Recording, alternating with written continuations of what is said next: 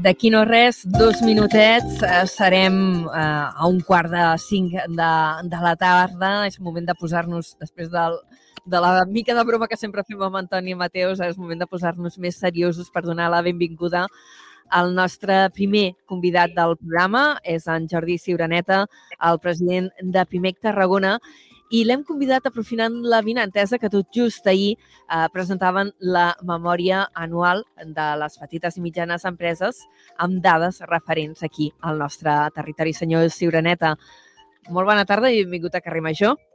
Bona tarda i gràcies per convidar-me a respondre. Ahir dèiem que presentaven aquest informe eh, que indica també el pes que tenen les petites i mitjanes empreses dintre eh, del sector productiu de, de casa nostra. Estem parlant, o almenys és el que recolliu en el vostre informe, que la gran majoria eh, de les empreses que hi ha a Tarragona, de fet, un 99,6% són petites o mitjanes empreses. Això és moltíssim, és la pràctica totalitat. Sí, sí, la veritat és que el teixit de les petites i mitjanes empreses eh, tot i les percepcions segurament de la majoria de la gent, eh, és que són les grans, qui ocupen més gent i qui tenen més capacitat de generar riquesa i en aquest cas eh, a nivell de l'estat espanyol és un 99,8, aquí a Tarragona és un 99,6, de les quals eh, bueno, registrem el 73,3% dels ocupats, que eh, acaben sent unes, eh, més de 180.000 persones. Uh -huh. Estem parlant de més de 57.000 petites i mitjanes empreses a, a Tarragona.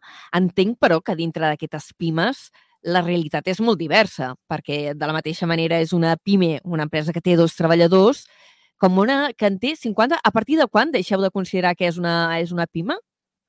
bueno, eh, a part, clar, amb tot això hem de mirar 250, eh, que acabat ja passen a ser ah, les, les, grans, les grans empreses, però nosaltres hem de tindre en compte dintre eh, d'aquestes diferències no? per marcar eh, hem de tindre en compte que dintre de les petites tenim les microempreses que són fins a 9 treballadors eh, i inferiors a 2 milions d'euros.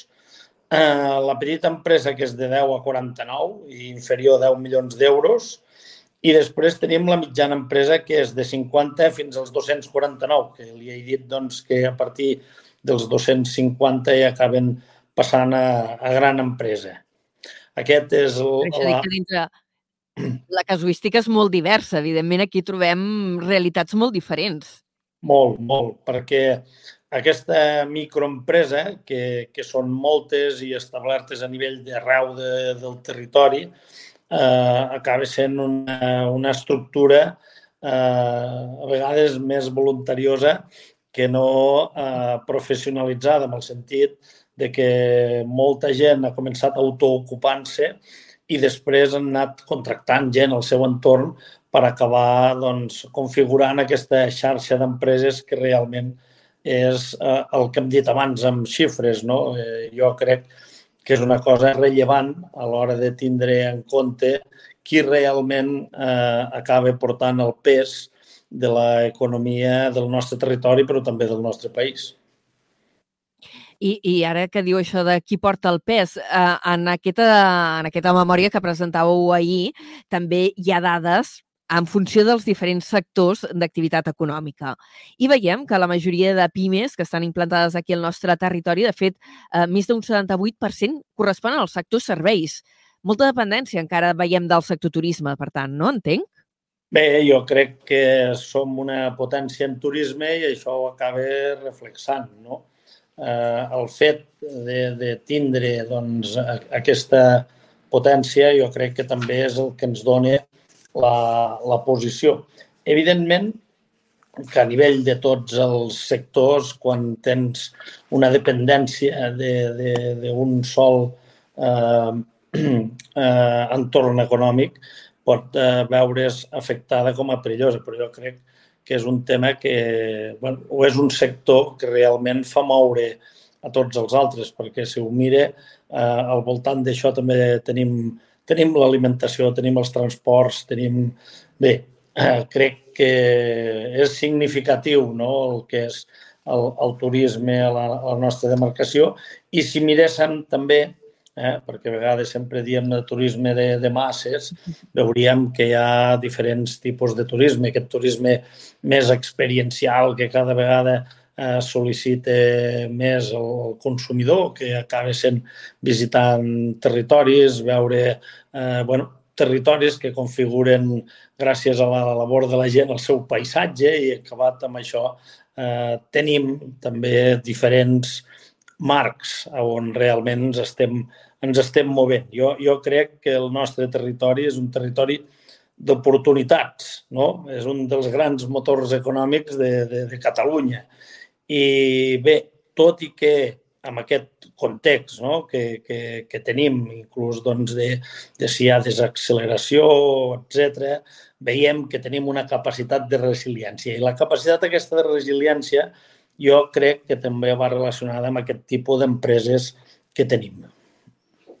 Eh, D'això és una de les conclusions que exposàveu ahir, que dieu que les eh, petites i mitjanes empreses tarragonines eh, presenten una millor resiliència, una major resistència en aquesta situació de, de, de crisi general eh, que estem travessant no només a Catalunya, sinó és crisi general. Eh, però, en canvi, hi ha altres dades que no sé si fins i tot m'entrarien amb una mica de contradicció, eh? perquè dieu sí. que la, pel que fa a rendibilitat, Tarragona se situa lleugerament per sota de la mitjana de marcacions eh, sí, sí. I, i també dieu que hi ha una millor competitivitat. O sigui, són menys rendibles, més competitives, més resilients. Com Bé, estem?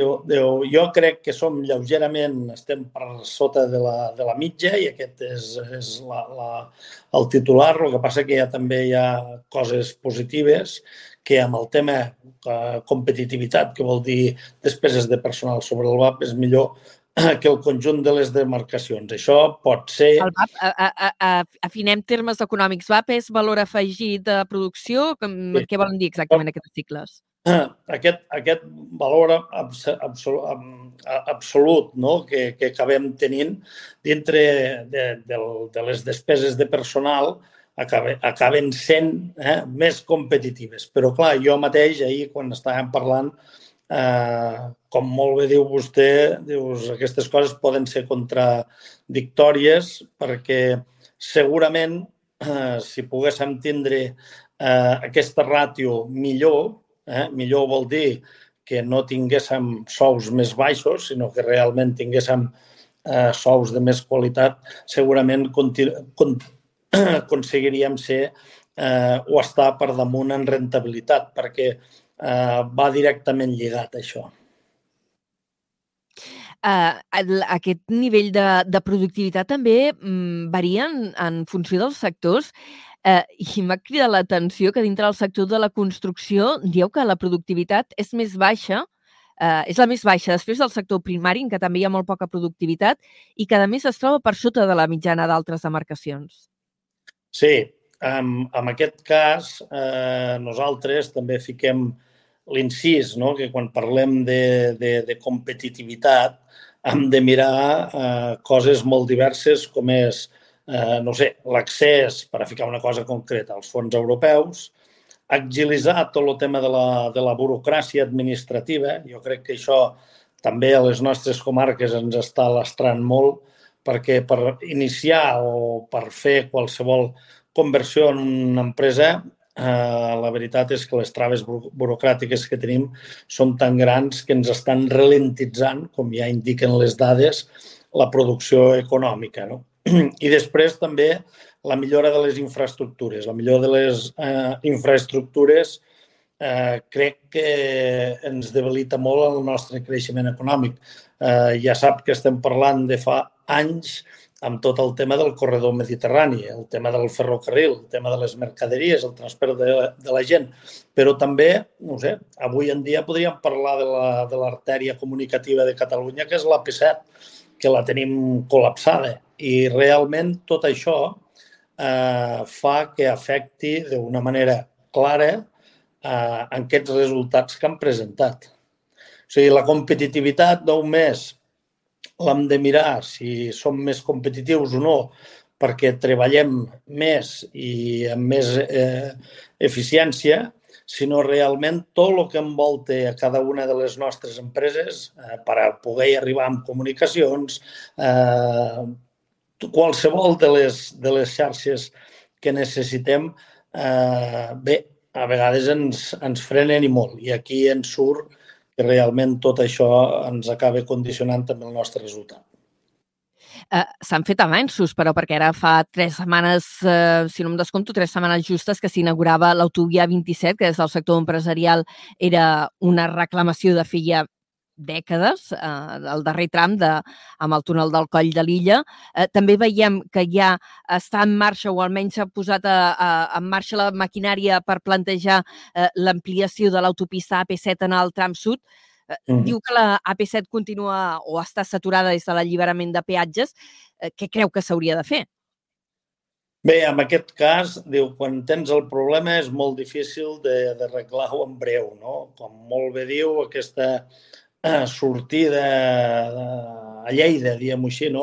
on molt del transport eh, de mercaderies, inclús doncs, sabem que, que pugen molts camions diàriament abastint les fàbriques des del port de, de Tarragona, les fàbriques de, de, de Pinso, eh, el tindre un quart d'hora menys, eh, que vol dir entrenar i tornar, vol dir mitja hora, jo crec que això és el que estàvem parlant, no? que realment necessitem aquestes infraestructures perquè els costos eh, siguin menors. Uns costos que a la vegada són més sostenibles, perquè parlem de econòmicament, no? socialment, perquè ens ajuda també a estar tots molt més comunicats i mediambientalment, cosa fonamental, no?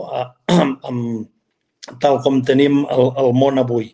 Eh, en base a això, nosaltres també estem ficant un especial interès amb tot el que és l'impuls del món rural. Quan parlem d'aquestes empreses tan petites, estan eh, repartides i per aquest eh, territori. No? Inclús donem dades de les pimes tarragonines al sector primari, perquè a nosaltres ens interessa molt el territori.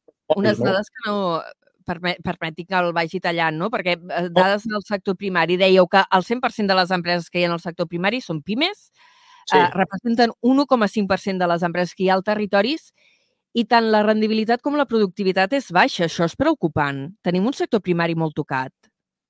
Molt. Jo crec que, bé, si mirem que l'autobastament d'aliments a Catalunya no arriba al 40%, això ens hauria de fer pensar, no?, quan és un sector que és estratègic. I el, el per què no tenim pagesos, eh, en aquest cas, o ramaders, és perquè, eh, bueno, ja sabem que és el pal de paller de l'estructura econòmica del món més rural, dels pobles més petits, i com que la gent no hi veu rentabilitat, no es guanya bé la vida, doncs se'n van a altres llocs. Jo crec que aquí és un dels punts que hauríem de ficar molta atenció si no volem tindre un territori erm, que, que això vol dir que no és sostenible, i unes grans ciutats col·lapsades. Eh, bé, no sé, jo sóc d'un poble de 360 habitants, que en tenia 600 eh, fa 40 anys i que amb 10 anys més potser serem 150.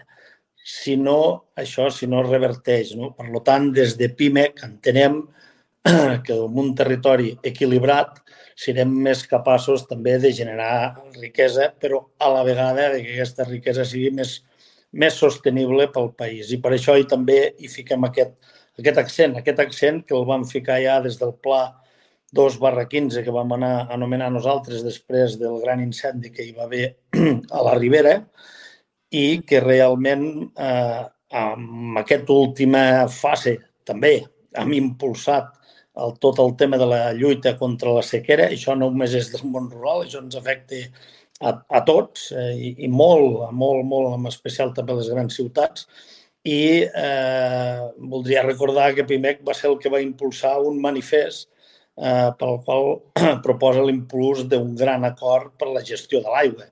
Això ja s'ha iniciat eh, i creiem que és un debat de cohesió territorial. Moltes vegades ens, fiquem, ens fixem amb les xifres, no? això que dèiem mateix del sector primari, amb aquest eh, 1,5% eh, que és el que representa aquest sector respecte als altres i dius, bueno, doncs aquí hi ha molt poca gent, evidentment, però alguna cosa hem digut fer o no hem fet prou bé perquè realment haguem arribat a aquest punt, quan sabem que en aquests entorns la qualitat de vida és, és millor, que han millorat molt amb infraestructures, amb connexions de tot tipus, però alguna cosa no estem fent bé quan les rentes dels pobles, eh, no sé, Terres de l'Ebre em sembla que té 11 pobles que són dels més desafavorits de Catalunya. Eh, comarques eh, amb una baixa densitat de població, quan amb recursos eh, naturals i recursos de possibilitats de tindre grans empreses, inclús pel fet de tindre l'aigua, això no, no és així. Evidentment, eh, nosaltres també tot això ho vinculem amb eh, un dels grans temes que ara tenim damunt de la taula en aquests territoris eh, és la importància que poden tindre els fons de transició nuclear. No? Eh, els fons de transició nuclear... Per Permeti Estan... que li, li vagi, vagi introduint preguntes, eh? perquè me van llançant tots els temes. Uh, sobre el tema de l'aigua, que deia que... I, de, i després anirem als fons de transició nuclears, eh? però sobre el tema de l'aigua, eh, que deia que consideren des de PIMEC que és una qüestió estratègica. Eh, fa unes setmanes es uh, va constituir eh, la taula de l'aigua de Tarragona, eh, impulsada des de la Generalitat. Sé que hi va haver eh, sector empresarial present. Eh, no sé si PIMEC també hi vau ser presents i quin, perill, eh, quin paper eh, creieu que pot jugar aquesta taula? Bé, no, no, nosaltres estem presents a totes les taules. El que passa que també eh, estem veient que hi ha moltes taules i, i molt debat, però al final poca acció. I eh, el que necessitem és, eh, si més no, nosaltres ho dèiem des del nostre manifest, és que hi hagués aquest, aquest impuls per crear aquesta taula eh, Nacional de l'Aigua perquè en poguéssim parlar, però també us he de dir que jo crec que el problema el tenim clarament identificat. El que falta és començar a ficar damunt de la taula possibles solucions. I del tema dels fons de transició nuclear, clar, és un tema candent perquè ara teòricament estava a punt de tancar, si no m'equivoco, eh, perquè això ja ho dic de memòria, el període per sol·licitar eh, aquests ajuts a la primera convocatòria també per part de les empreses. Com, com ha anat el procés? Bé, la, la veritat és que nosaltres estem des del primer dia, jo diria més eh, expectants que participants, amb el sentit que tot el que hem anat fent fins ara ens ha portat a on som. Un any, eh, el primer any, jo diria perdut per les empreses, perquè al final aquests fons nuclears s'han acabat eh, repartint entre els municipis. Esperem que aquests municipis tinguin la capacitat de poder fer unes bases perquè realment ens hi puguem acollir, però a l'alçada de l'any que estem ja ho dubtem. No? I després, arrel de l'última reunió que vam tindre la setmana passada, el que estem veient és que bueno, falta un reglament clar per a poder començar a afrontar el, el que és el, el 2024. Clar, nosaltres estem preocupats perquè eh, poder fer doncs, unes inversions sempre van eh, condicionades a saber en quin lloc ho has de presentar, com ho has de fer, en quines condicions doncs, eh, estàs i nosaltres, a nivell del món, bé, eh, tot el que és el món econòmic i social i les dues càmeres de comerç, tres ara, perquè també s'ha inclòs la Càmera de Comerç de Lleida, la, Càmera, la Càmera de Comerç de Tortosa i de Reus, que la veritat doncs, no, no, no acabem veient, veient clar. A més a més, doncs, la participació dels eh, sindicats de classe, tant comissions obreres com UGT, eh, estem eh, treballant nosaltres, eh, hem treballat una proposta, aquesta primera proposta se'ns ha dit de reglament, eh, o les nostres observacions al reglament que s'ha fet, eh, perquè les tinguin en compte, però bé, encara no, no ho sabem i la veritat és que necessitem una mica més de celeritat perquè ja haurà passat un any i, clar, són molts diners per a poder actuar en un territori que està composat bàsicament per aquestes eh, micros, petites empreses, de mitjanes també n'hi ha, ha, ha poques en l'àmbit d'actuació directa i afecten a 96 pobles. Per tant, eh, creiem no? que, que falta aquesta eh, conjugació d'una sèrie d'elements que realment tots en puguem estar satisfets. O sigui, primer, dir que és una gran notícia que hi pugui haver aquests fons, aquests fons que venen per a recuperar 2.000 llocs de treball que, per, que, es, que es perdran quan se tanquin les centrals nuclears i que estem parlant d'uns territoris que són molt desafavorits, que aquesta pèrdua de llocs de treball també farà que a moltes d'aquestes micros, petites empreses puguin eh, estar en perill i, per tant, nosaltres el, el, el que demanem no, d'una forma clara és que dintre del reglament s'articuli eh, una manera de poder treure qualsevol ordre que realment afecti directament a la realitat del teixit econòmic d'aquest territori. Cosa que el d'enguany Abans... no ha sigut així. Digui'm, digui'm. Mhm. Enguany, oh. parlàveu també abans de dificultats burocràtiques. No sé si amb el tema del fons eh, de transició nuclear això també us fa por. Sí, perquè veiem que després doncs, d'haver de, tingut eh, reunions, són reunions més que participatives informatives, on se'ns diu el que es vol fer i bé, dient-nos el que es vol fer no és el que inicialment se'ns havia dit, on eh, els agents econòmics socials i les càmeres de comerç estarien per validar també aquests projectes i en canvi doncs, no, no veiem que encara hagi passat això. Esperem que en un futur immediat eh, sigui així, eh, tinguem més interlocució amb l'administració i no es vingui tot donat, sinó que puguem ser part de, de, de, de la creació doncs, d'aquests doncs, llocs de treball i de continuar creant riquesa en aquests territoris.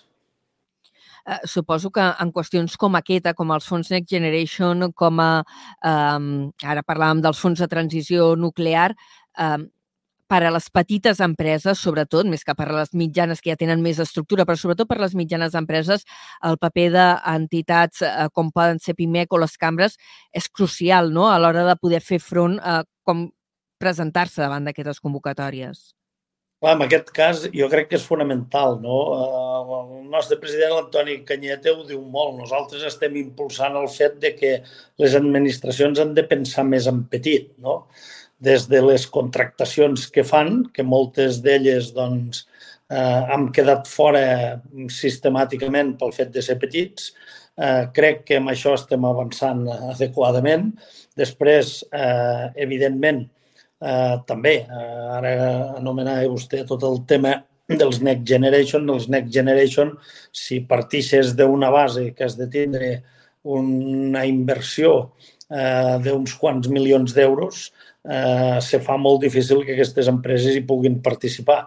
Per tant, tot això, eh, encara que no sigui eh, d'una manera evident, al final, de fet, ho és. I bé, tot això jo crec que ens eh, dona un, un posicionament complicat. Inclús eh, una de les eh, batalles importants que està lliurant eh, PIMEC i que ara també des d'Europa hi ha donat una sèrie de respostes, que és el tema de la, de la morositat. No? Nosaltres també l'anomenem la morositat que és que si es pagués eh, tot el que es deu en el temps que toca, hi hauria 83.000 milions d'euros que cobrarien també aquestes eh, empreses, eh? majoritàriament les petites i les mitjanes. Per tant, eh, crec que amb tot això estem donant unes xifres lo suficientment eloqüents com perquè tothom comenci a pensar a on és el veritable pol de creació de riquesa.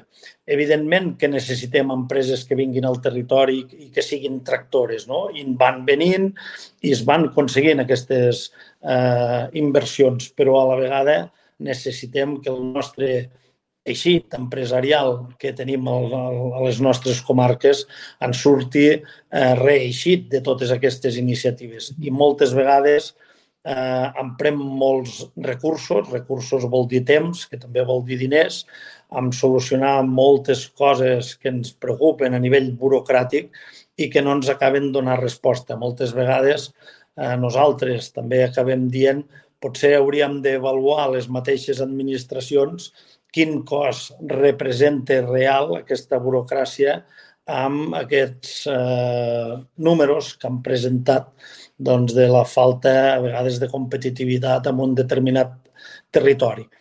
Potser ens Senyor estem Ciuraneta, ho hem de fer. No, no anava a dir que l'hauré de tallar perquè bàsicament són les 4 i 39 minuts i podrem estar xerrant moltíssima més estona, però sí. tenim un informatiu encara que hem de fer en aquesta primera hora i avui oh. ens arriba molt carregat de notícies si no tindrem temps de, uh, de parlar de tot. Uh, en tot cas, li agraïm moltíssim que avui hagi uh, passat per carrer Major per analitzar les dades de l'estudi que presentàveu ahir de les pimes, de les petites mitjanes empreses a la demarcació de Tarragona i, a, i de pas uh, poder parlar també alguna d'aquestes qüestions d'actualitat que tenim sobre la taula, com els fons de transició nuclear. Segur que tindrem temps de parlar amb alguna altra ocasió al llarg de la temporada. Moltíssimes gràcies. Gràcies a vosaltres quan vulgueu i quedem-nos sobretot en que som un gran territori d'oportunitats. Moltes gràcies. Ens quedem amb aquest missatge. Moltes gràcies.